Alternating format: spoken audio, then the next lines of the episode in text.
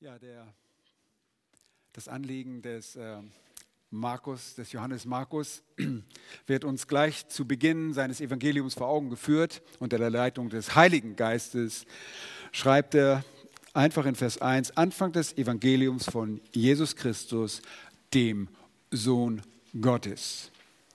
Und das ist das Anliegen von Johannes Markus. Er möchte uns Jesus vor Augen malen als den Sohn Gottes. Er möchte, dass wir glauben, dass er der Sohn Gottes ist.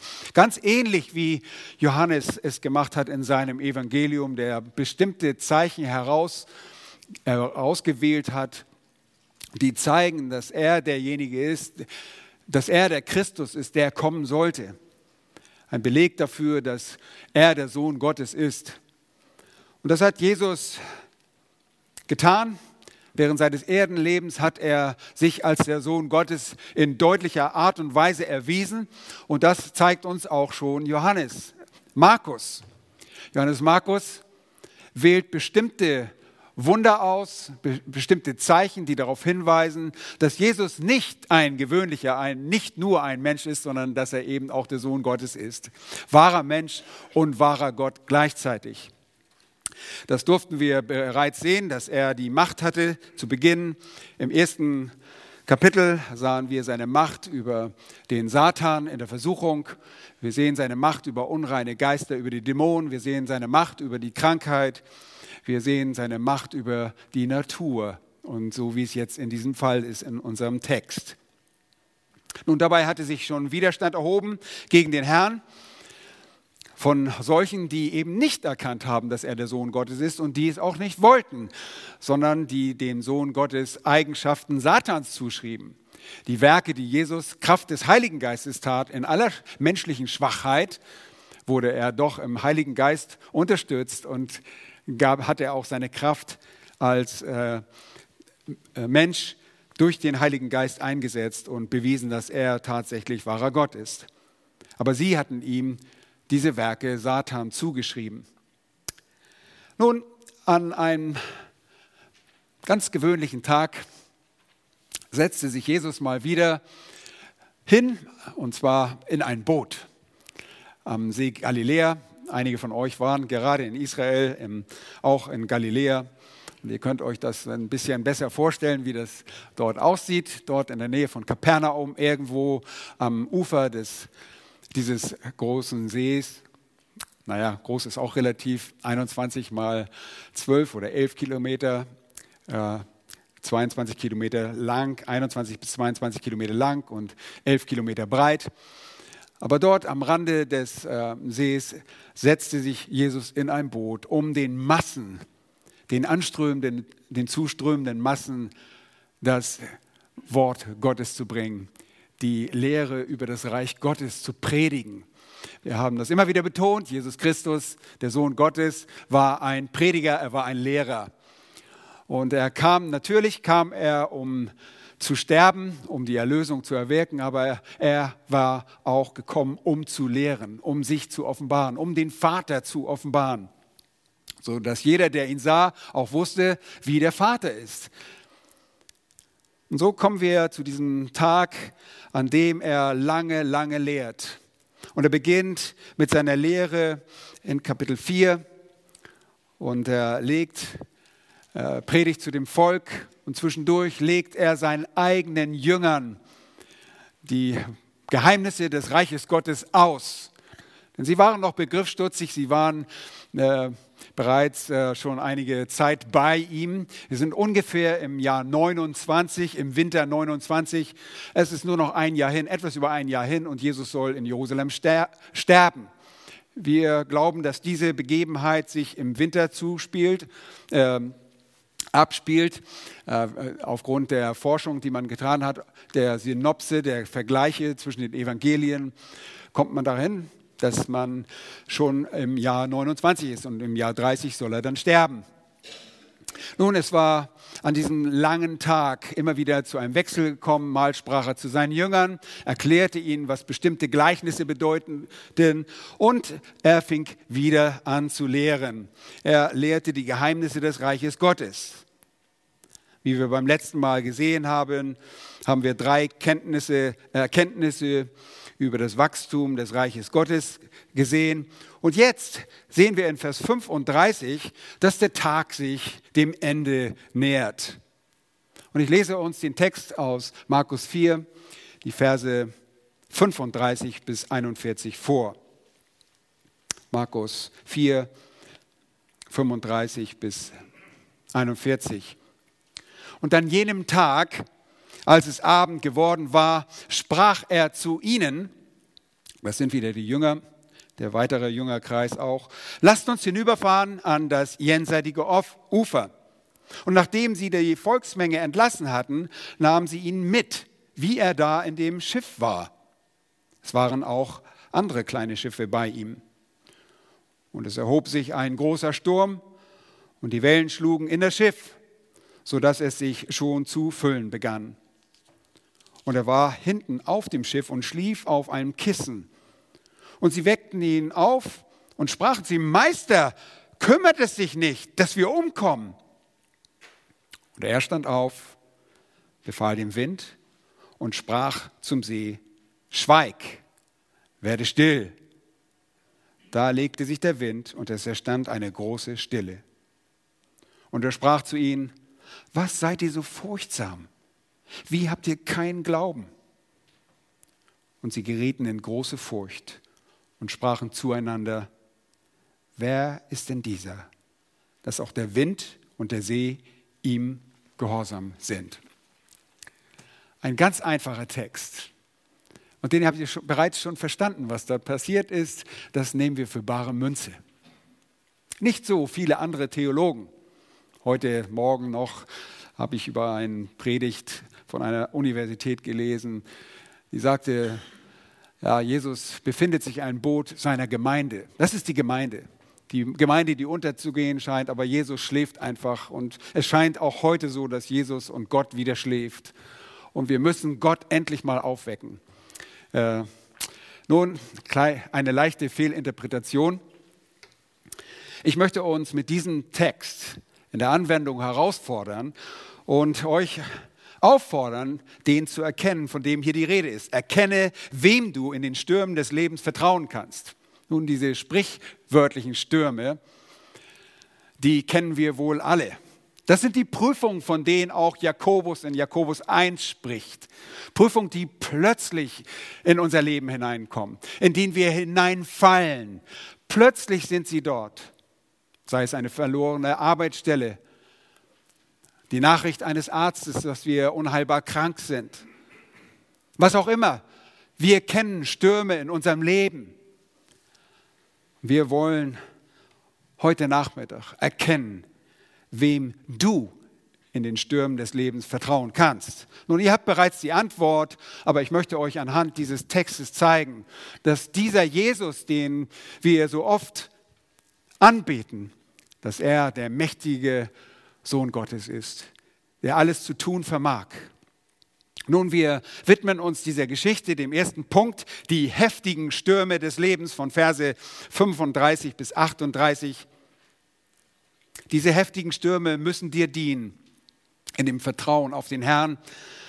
Wir erinnern uns, dass der Halbbruder unseres Herrn Jesus Christus, Jakobus, gesagt hat, achtet es für lauter Freude, wenn ihr in mancherlei Prüfung hineinfallen. Das sind diese Stürme des Lebens, in denen wir hineinfallen. Ich meine nicht, dass hier in eurem Garten so ein großer Sturmwind kommt und euch der Baum auf dem Kopf fallen wird.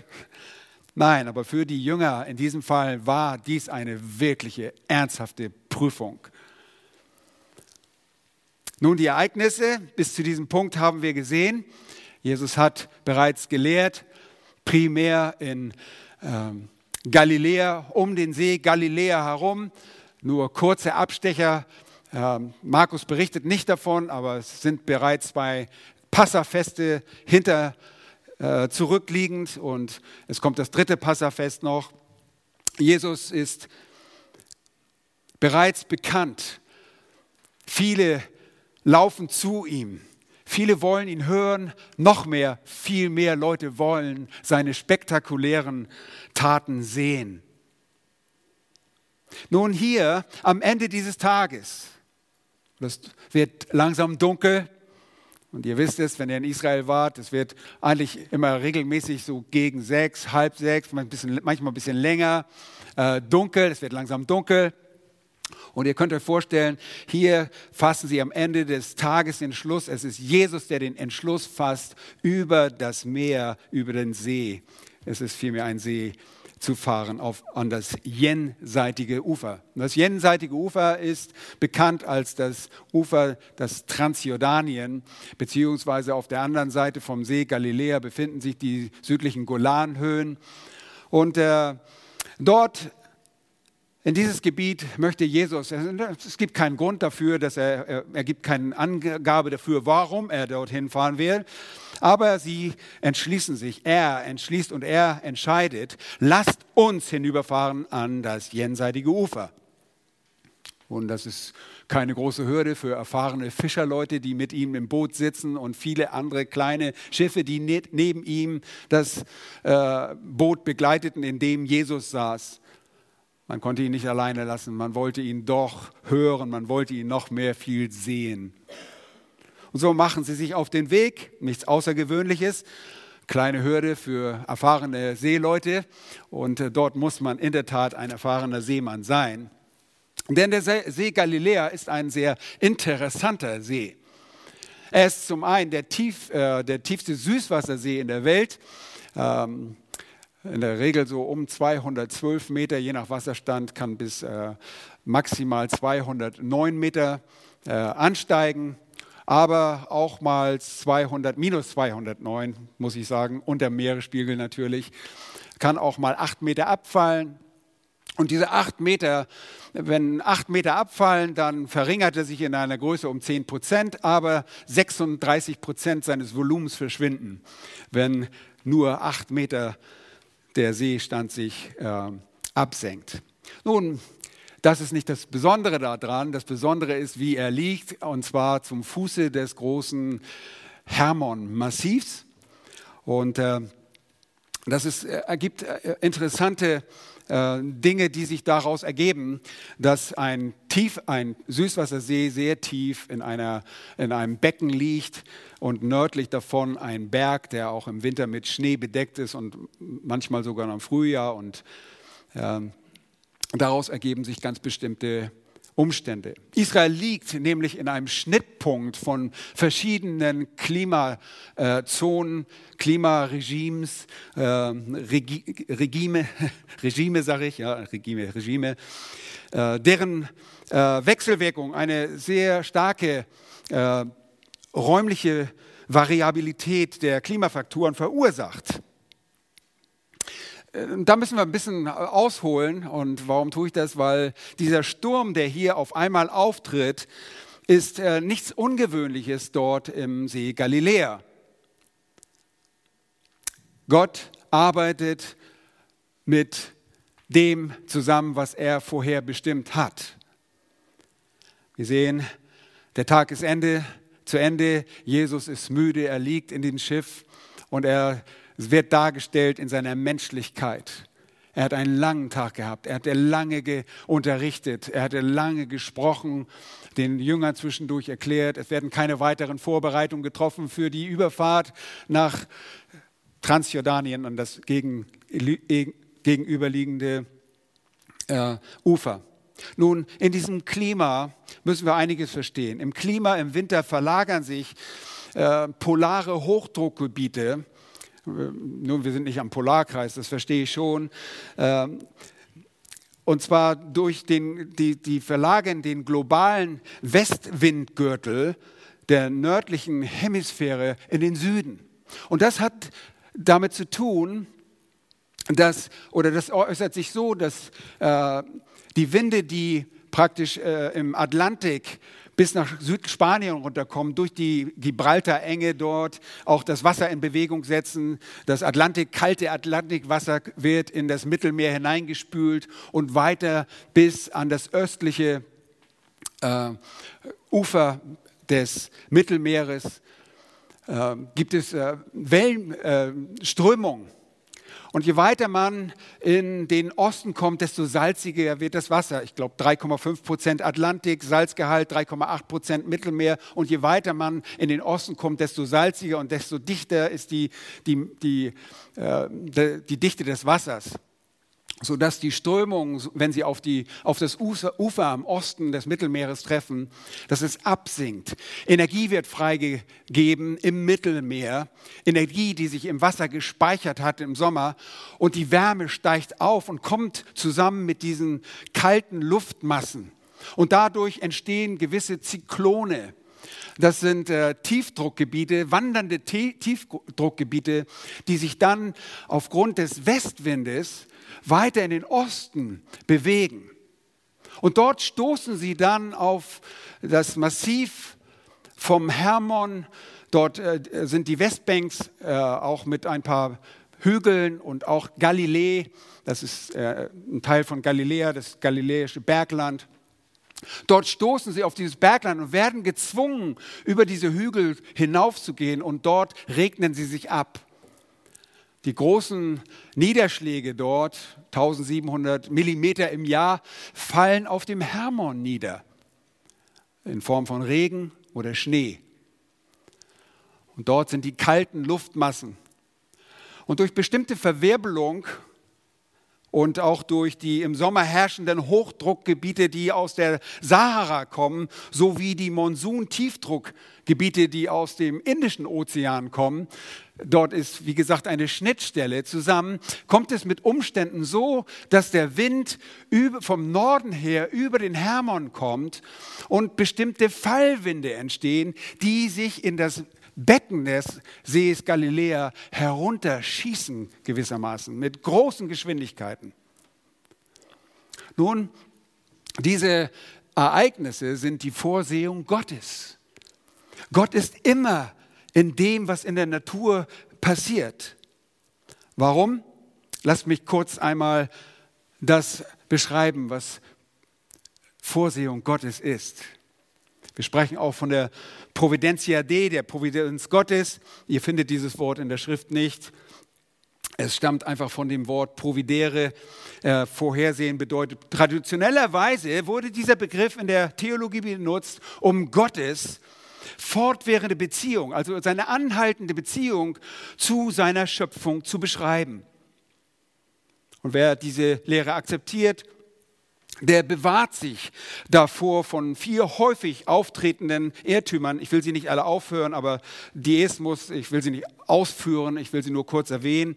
Deismus, so wie ich heute Morgen gelesen habe von diesem Theologen der Universität, der gesagt hat, ja, Gott hat wohl alles geschaffen, mag wohl sein, aber er hat sich zurückgezogen, wir müssen ihn mal wieder aufwecken, er schläft wohl.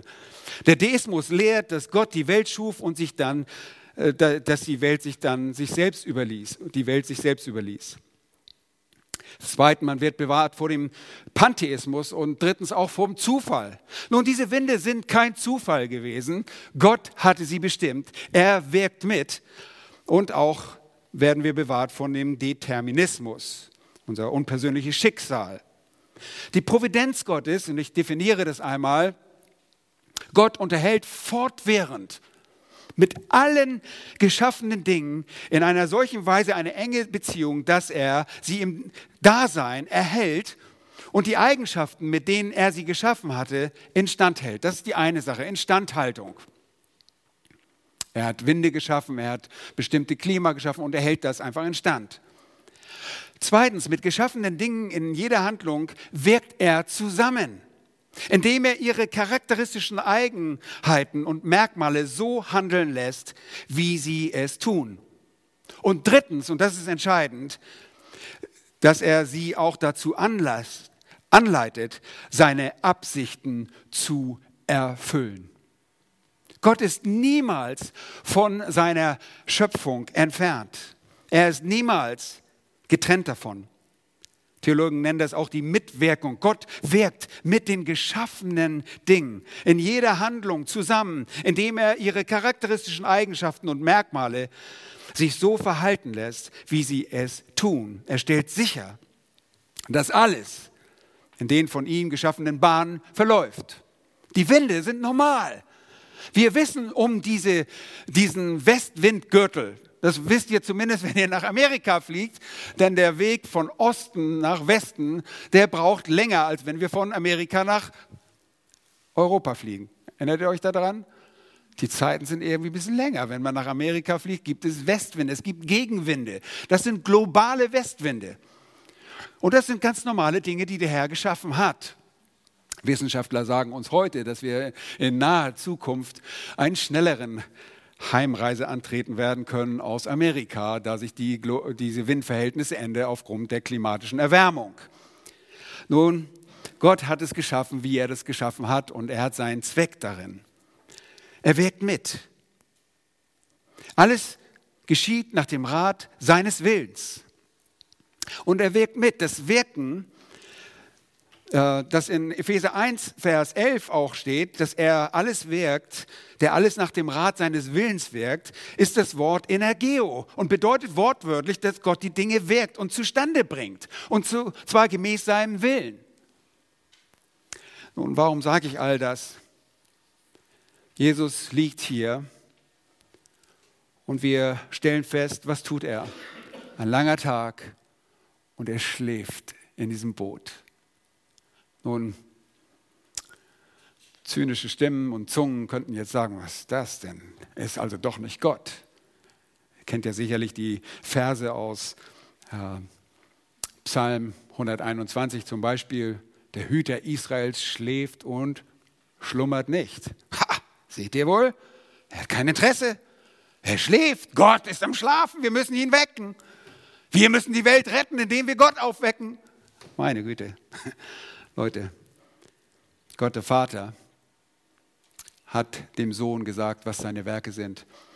Und darin sehen wir seine Selbstentäußerung. Er entäußerte sich, er legte bestimmte Privilegien beiseite und war ein vollständiger Mensch. Hörte er auf, Gott zu sein? Nein, absolut nicht. Nur seine Gottheit war verschleiert hinter seiner wahren Menschheit. Er verzichtete auf bestimmte Dinge. Und so sind Dinge, die jetzt passieren, nicht zufällig. Das ist nicht ein Zufall. Da kommt nicht zufällig auf einmal ein Fallwind vom Berg Hermann herunter, der auf das Wasser drückt. So funktionieren nämlich die Fallwinde die mit großer Geschwindigkeit die kalten Luftmassen auf das warme, gespeicherte Wasser im See Galiläa, der immer, eigentlich immer zwischen 16 und 25 Grad hat, das ganze Jahr über nur 9 Grad variiert. Aber jetzt kommen diese kalten Winde und drücken auf diesen See und verursachen Wellen, die eine Größe von zwischen drei und vier Meter Höhe erreichen können. Nun, das sind noch keine Kavenzmänner, die bis zu 40 Meter, aber für einen See ist es erheblich. So erheblich, dass sich was zuträgt hier. Lasst uns das einmal anschauen.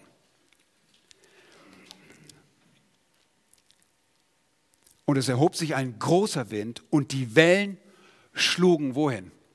Die schlugen in das Schiff, sodass sie sich schon zu füllen begannen. Nun, das ist eine echte Lebenskrise. Das ist ein echtes Problem. Die Jünger fürchten sich auf einmal. Und ihr denkt, was ist denn das Problem? Wir können doch an Land schwimmen.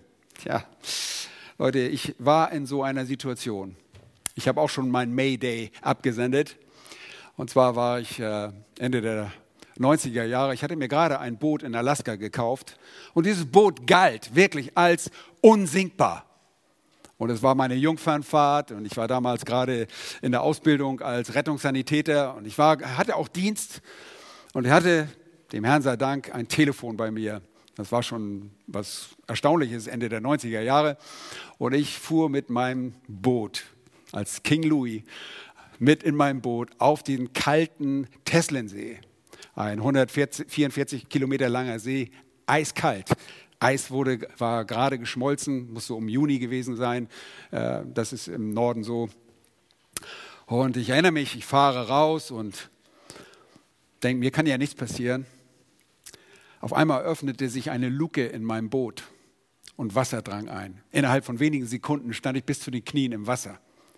Und ich dachte immer noch, ich kann sicherlich nicht untergehen, aber ich werde hier gleich erfrieren und, und äh, sonst was. In diesem kalten Wasser überlebt man nicht sehr lange.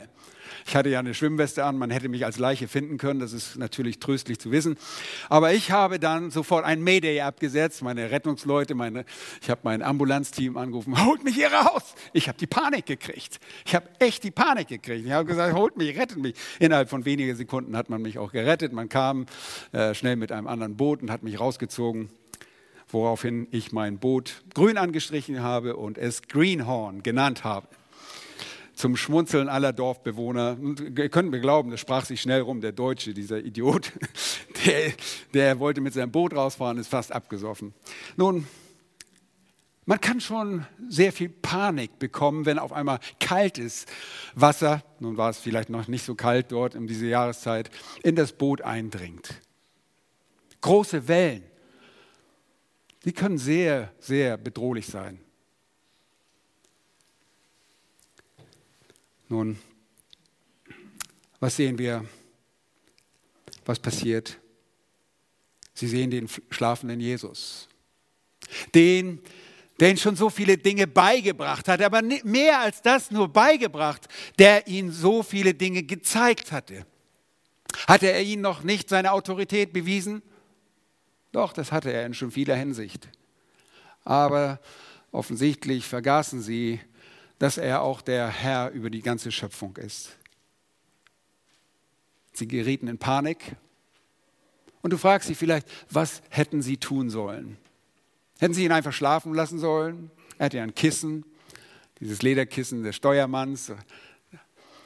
Er lag dort bequem, erschöpft von dem Tag. Hätten sie ihn schlafen lassen sollen? Nun, sicherlich wäre das eine richtige Reaktion gewesen. Sie hätten ja ruhig schöpfen können. Ähm, ich hätte auch keine Panik haben sollen, damals als ich fast unterging. Ähm, ich hätte auch dem Herrn vertrauen sollen, Herr, und meinen Eimer nehmen sollen. Ich hatte ja auch sogar einen Eimer dabei. Man muss ja irgendwo Fische lassen, wenn man fischen geht. Ähm, aber man kriegt Panik. Und in ihrer Panik wenden sie sich immerhin an Jesus, obwohl das nicht viel beweist. Denn Jesus sagt zu ihm, ihr Kleingläubigen, wo ist euer Glaube? In den anderen Evangelium Kleingläubigen, wo ist euer Glaube? Kein Glaube. Das ist nicht im absoluten Sinne gemeint, aber sie wenden sich an ihn und sie wecken ihn auf. Nun, schaut einmal den Text. Er war hinten, auf dem Schiff und schlief auf einem Kissen und sie weckten ihn auf und sprachen, Meister, kümmert es sich nicht, dass wir umkommen. Nur das ist vermessen. Zum einen, dass der Meister, der Herr, sie umkommen lassen will. Aber wisst ihr, diese heftigen Stürme, sie kommen auch in dein Leben. Nicht auf diese Art und Weise, kommt vielleicht mal vor, wie bei mir, aber es gibt andere Stürme in eurem Leben, wo ihr in Panik geratet. Und der Werk kann mir jetzt helfen. Ist es dann nicht richtig, sich an den Herrn zu wenden? Oh ja, doch. Aber nicht in einer Art und Weise, wo man nicht Glauben hat. Und das offenbart dieser Text und Jesus nachher noch sehr deutlich. Wir sehen jetzt ab Vers 38 die souveräne Kontrolle deines Retters die souveräne Kontrolle deines Retters. Schaut in Vers 38, er war hinten und er fragt, was kümmert es euch? Was, äh, mein, kümmert, kümmert ihr, ähm, kümmert es sich nicht, sagen sie. Und er sagt, er stand auf, befahl dem Wind und sprach zum See, schweige, werde still. Die habende Handlung Jesu zeigt dir, wer er ist meine, bevor du anfängst mit dem See zu sprechen oder mit dem Wind zu sprechen, musst du wissen, was du tust, oder? Nun, hier sehen wir Jesus auf eine souveräne Art und Weise. Und den Jüngern hätte das eigentlich auch bekannt sein müssen, dass der lebendige Gott solche Dinge schon vormals getan hat. Wenn ihr Psalm 107 aufschlagt, dann lesen wir einen, einen Absatz in Vers 23 und folgende lese ich die in Schiffen sich aufs Meer begaben und Handel trieben auf großen Wassern. Die sahen die Werke Jahwes und seine Wunder auf hoher See. Er sprach und erregte einen Sturmwind.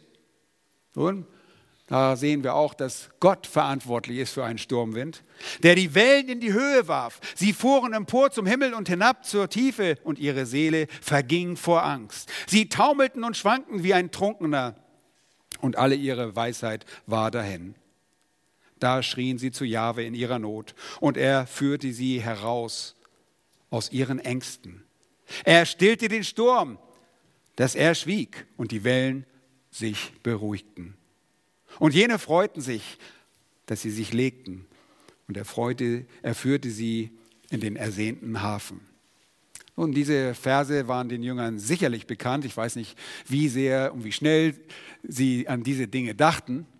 Deshalb behalte das Wort im Herzen. Ne? Wort im Herzen ist, ist die Antwort. Ich behalte dein Wort in meinem Herzen. Zum einen, damit ich nicht wieder dich sündige, damit ich nicht misstrauisch bin, sondern dass ich sofort weiß, der Herr ist bei mir, er wird für mich sorgen. Die absolut souveräne, äh, äh, souveräne Handlung. Im Psalm 65 schreibt David in Versen 8 und 9 folgendes. Der du das Brausen der Meere stillst, das Brausen ihrer Wellen und das Toben der Völker, damit vor deinen Wunderzeichen sich fürchten, die an den Enden der Erde wohnen. Nun, das tut er. Das Brausen der, der Wogen wird einmal in der Endzeit eine große Rolle spielen. In Lukas 21 sehen wir, dass in, in der Trübsalzeit, in Lukas 21, Vers 25, die Menschen sich beunruhigen werden. Ich lese, es werden Zeichen geschehen an Sonne, Mond und Sternen und auf Erden. Angst der Heidenvölker vor Ratlosigkeit bei dem Tosen des Meeres und der Wogen. Hm, interessant. Globale Erwärmung? Fragezeichen. Abschmelzen der Gletscher? Ansteigen der See, äh, der, der Meeresspiegel? Fragezeichen. Nun, Menschen werden Angst haben vor dem Toben und Tosen des Meeres und vor den Wellen. Nun, Jesus in seiner absoluten Souveränität, fast schnörkellos, schreibt Markus hier, steht auf und er befahl. Ganz, und zwar derselbe Begriff, der, den er verwendet hier in Markus 1,25. Und er befahl Dämonen in Kapitel 1,25. Hier befiehlt er dem Wind. Und er sprach noch was. Er sprach zum See. Hier spricht der Schöpfer und der Halter, derjenige, der die Vorsehung, die Kontrolle über die ganze Schöpfung hat. Er spricht zu dem Wind zu dem Sturmwind. Und er spricht zu dem See, denn beides war notwendig, um gleich Stille zu erzeugen. Nun, diese Boote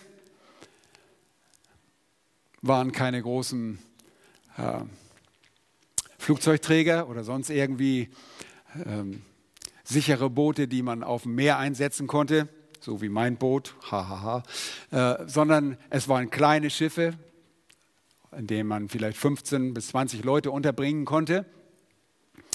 Eine, eines dieser Boote hat man äh, am Nordufer des Sees gefunden, vor einigen Jahren, Anfang 2000 war das, glaube ich, und hat sie dort in Genosa in einem Museum zu, habt ihr auch gesehen? Okay. Und diese Boote sind natürlich nicht seetüchtig für diesen See, ja, wenn er still ist, und er kann sehr schön still sein, dieser wunderschöne See Tiberias oder Kinneret oder Genezareth, See Galiläa, verschiedene Namen, der wie eine Harfe aussieht von seiner Form. Aber diese Boote sind anfällig für solche Stürme. Jesus steht auf und er gebietet. Er gebietet dem Sturmwind zu schweigen. Schweig. Markus 1,25 gebot er auch den Dämonen, verstumme, werde still. So spricht er zu diesem Sturmwind und er spricht zu dem See. Und wisst ihr, die Antwort bleibt nicht lange aus. Da legte sich der Wind und es entstand eine große Stille. Das ist völlig untypisch, wenn äh, das Zufall wäre und äh, der Wind langsam stirbt, würde der See sich lange noch nicht beruhigen. See, Gewässer und Behälter mit Wasser gefüllt und der See ist nicht sehr tief, 42 Meter so, die tiefste Stelle, mittlere Tiefe 25 Meter. Diese, dieser See würde noch lange hin und her schaukeln. Sehr hin und her schaukeln und die Wellen würden auslaufen am irgendein Ufer, aber das kann dieser See nicht, denn er hat scharfe Ufer. Er hat sehr scharfe Ufer und äh, dort peitschen diese Wellen gegen die Felsen, die Felsmassive. Diese Wellen können dort nicht auslaufen. Es würde ein langes Schaukeln hin und her geben. Aber hier kommt eine plötzliche Stille. Und deshalb sprach er zu diesem See, werde still. Und das Wasser beruhigte sich augenblicklich. Es entstand eine große Stille. Das ist absolute Kontrolle. Jesus macht nicht nur den sich bewegenden Luftmassen, die über den Hermon runter in dieses äh, Galiläa-Becken, See Genezareth-Becken hineinfallen einem, einem Ende, sondern er hat die Macht über das Wasser. Und ihr Lieben, das sehen wir schon zu Beginn in der Geschichte des Volkes Israels. Wir sehen, dass er die Wassermassen bedroht in seinem Zorn. In 2. Mose 15 haben wir das äh, heute Morgen in der ersten Stunde schon gelesen. Mit deiner großen Macht hast du deine Widersacher vertilgt, du hast in deinem großen Grimm losgelassen und du verzehrtest sie, sie wie Stoppeln. Durch den Hauch deines Zorns türmte das Wasser sich auf. Gott war zornig, dass die Ägypter den Israeliten hinterherliefen. Und durch seinen Hauch, den Hauch seines Mundes, er spricht türmte sich das Wasser auf, sodass was die Israeliten trockenen Fußes durch das Schilfmeer wandern konnten. Und dann heißt es dort in 2. Mose 15,10, du wehtest mit deinem Wind, da bedeckte sie das Meer. Gott bestimmt, wenn es weht. Und er kann auch den Gesetzmäßigkeiten widerstehen. Und wenn sonst ein Westwind angesagt ist, kann er mal ganz schnell einen heftigen Nordwind bringen, um sich zu verherrlichen. Ihr Lieben, Jesus war nicht nur der Schwache, für den viele ihn hielten, über den sich viele hinwegsetzten und verspotteten, ihn lästerten. Er war der Sohn Gottes und er ist der Sohn Gottes. Er ist, der ist, der war und der kommt. Er ist der Allmächtige, so stellt er sich in Offenbarung Kapitel 1, Vers 8 vor. Der Anfang und das Ende, das Alpha und das Omega. Lieben, Jesus in seiner Macht gebietet und es entsteht eine Stille. Und ihr habt gesehen, die Furcht, veranlasste die Jünger, den Meister aufzuwecken.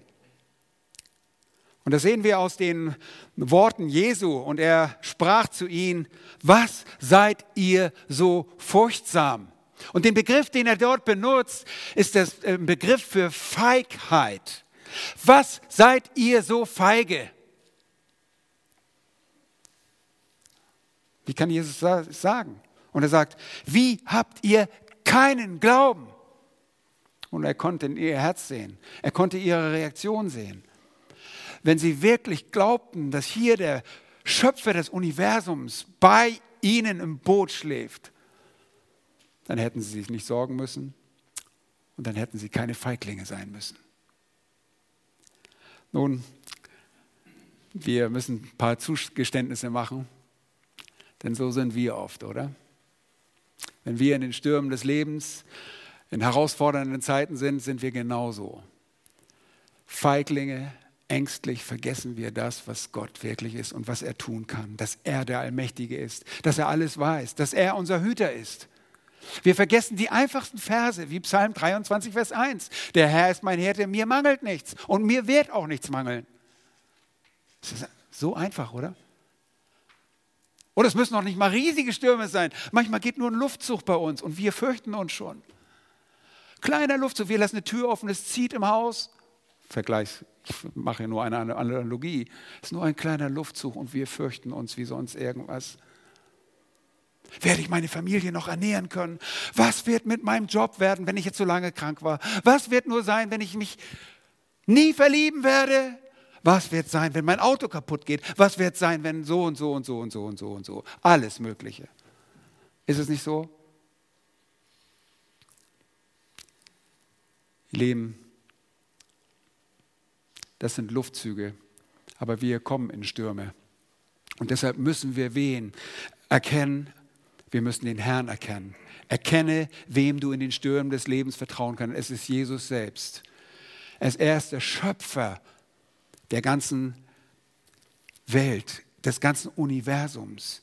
Er hat absolut Kontrolle und stellt es unter Befehl. Und wisst ihr was? Als auf einmal plötzlich diese Stille eintritt, da wandelte sich ihre Furcht. Und das ist der dritte Punkt die folgerichtige Furcht in der Gegenwart Gottes. Die folgerichtige Furcht. Jetzt kommt es zu einer richtigen Furcht, einer echten Furcht vor Gott. Im Alten Testament steht, Gott zu fürchten als ein Synonym dafür, an ihn zu glauben, ihm zu vertrauen, ihn zu fürchten. Sie verstanden auf einmal, wer dort wirklich bei ihm im Boot saß. Wofür sollte man mehr Angst haben? Vor dem Sturm außerhalb des Bootes oder einem lebendigen Gott innerhalb des Bootes? Nun, sie hatten größere Furcht vor ihrem Gott, vor ihrem Herrn. Sie gerieten in große Furcht und äh, sie fürchteten sich mit großer, mit Mega-Furcht.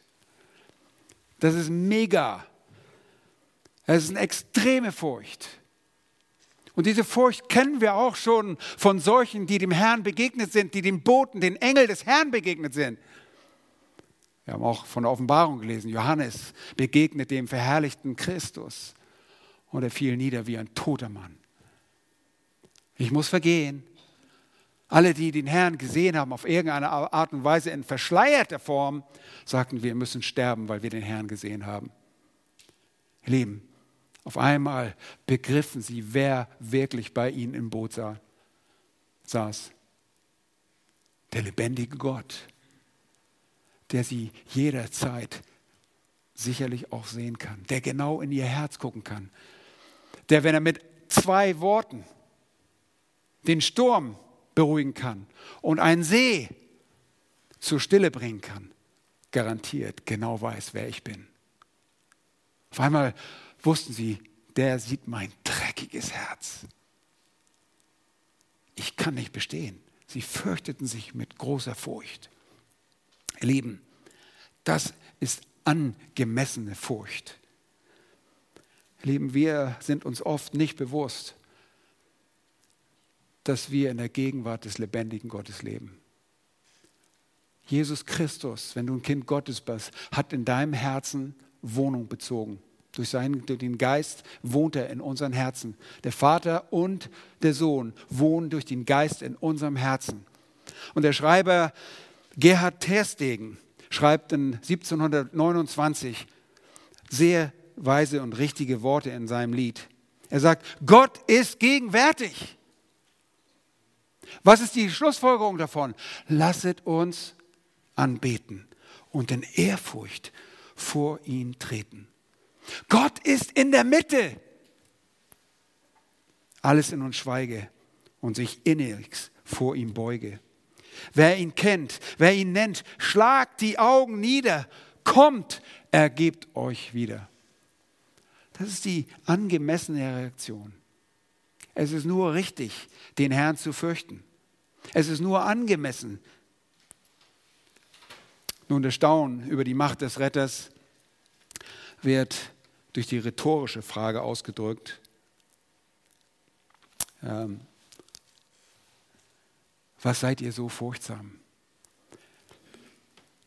Die Erkenntnis, wer da in ihrem Schiff war, wird an der großen Furcht, die über sie kommt, deutlich. Und sie wussten, dass wenn Jesus das konnte, dann konnte er noch eine Menge mehr.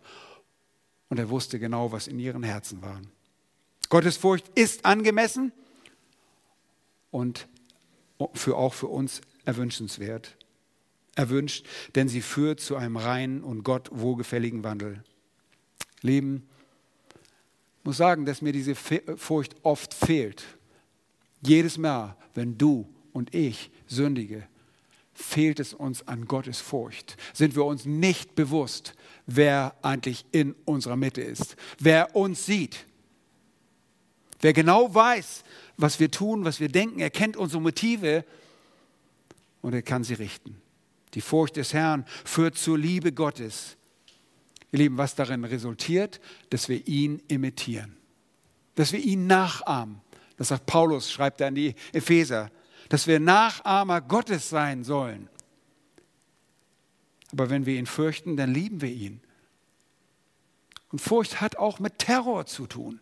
Lest nur einmal das Alte Testament durch, wie Gott auf Sünde reagiert. Er muss sie immer richten. Sünde muss immer gerichtet werden. Und er muss in dein Leben muss Sünde gerichtet werden. Wir sind Sünder und wir müssen gerichtet werden. Gott, das Wesen ist so, dass wir gerichtet werden müssen. Die Sünde, die wir begangen haben. Es sei denn, du hast den Herrscher dieser Welt, den Schöpfer, den Herrn Jesus Christus, als den, der den Preis der Sünde bezahlt hat der für uns gerichtet wurde.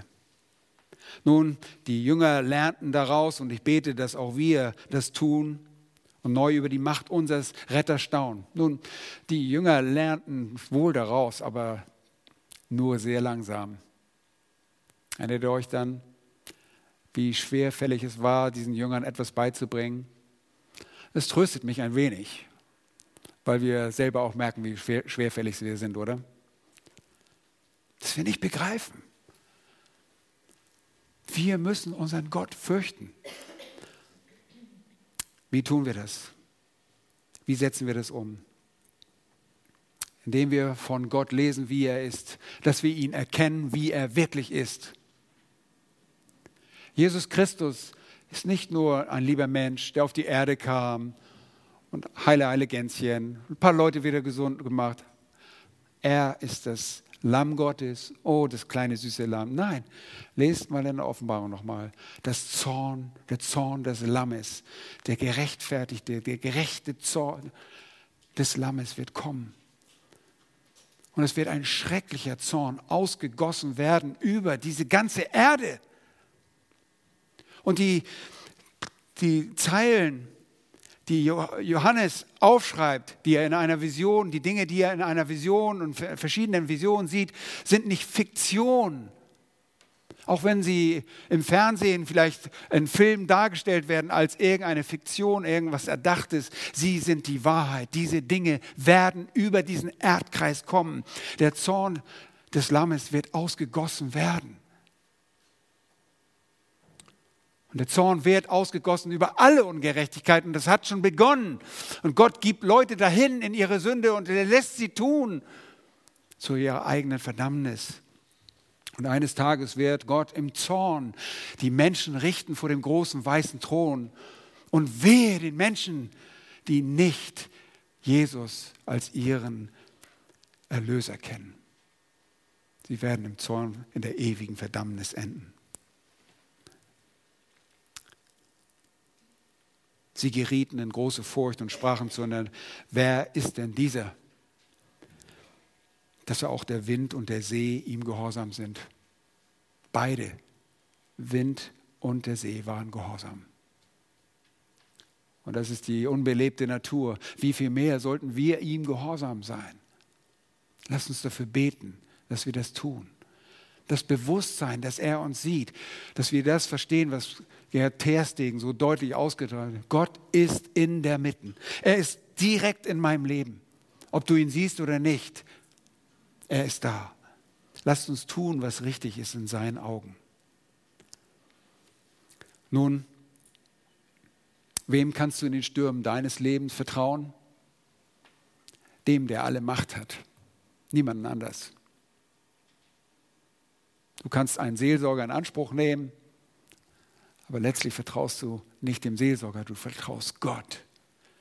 Weil der Seelsorger dir nur hilft, das Wort Gottes aufzuschließen und dir hilft, diese Dinge auf dein Leben anzuwenden, das, was Gott gesagt hat.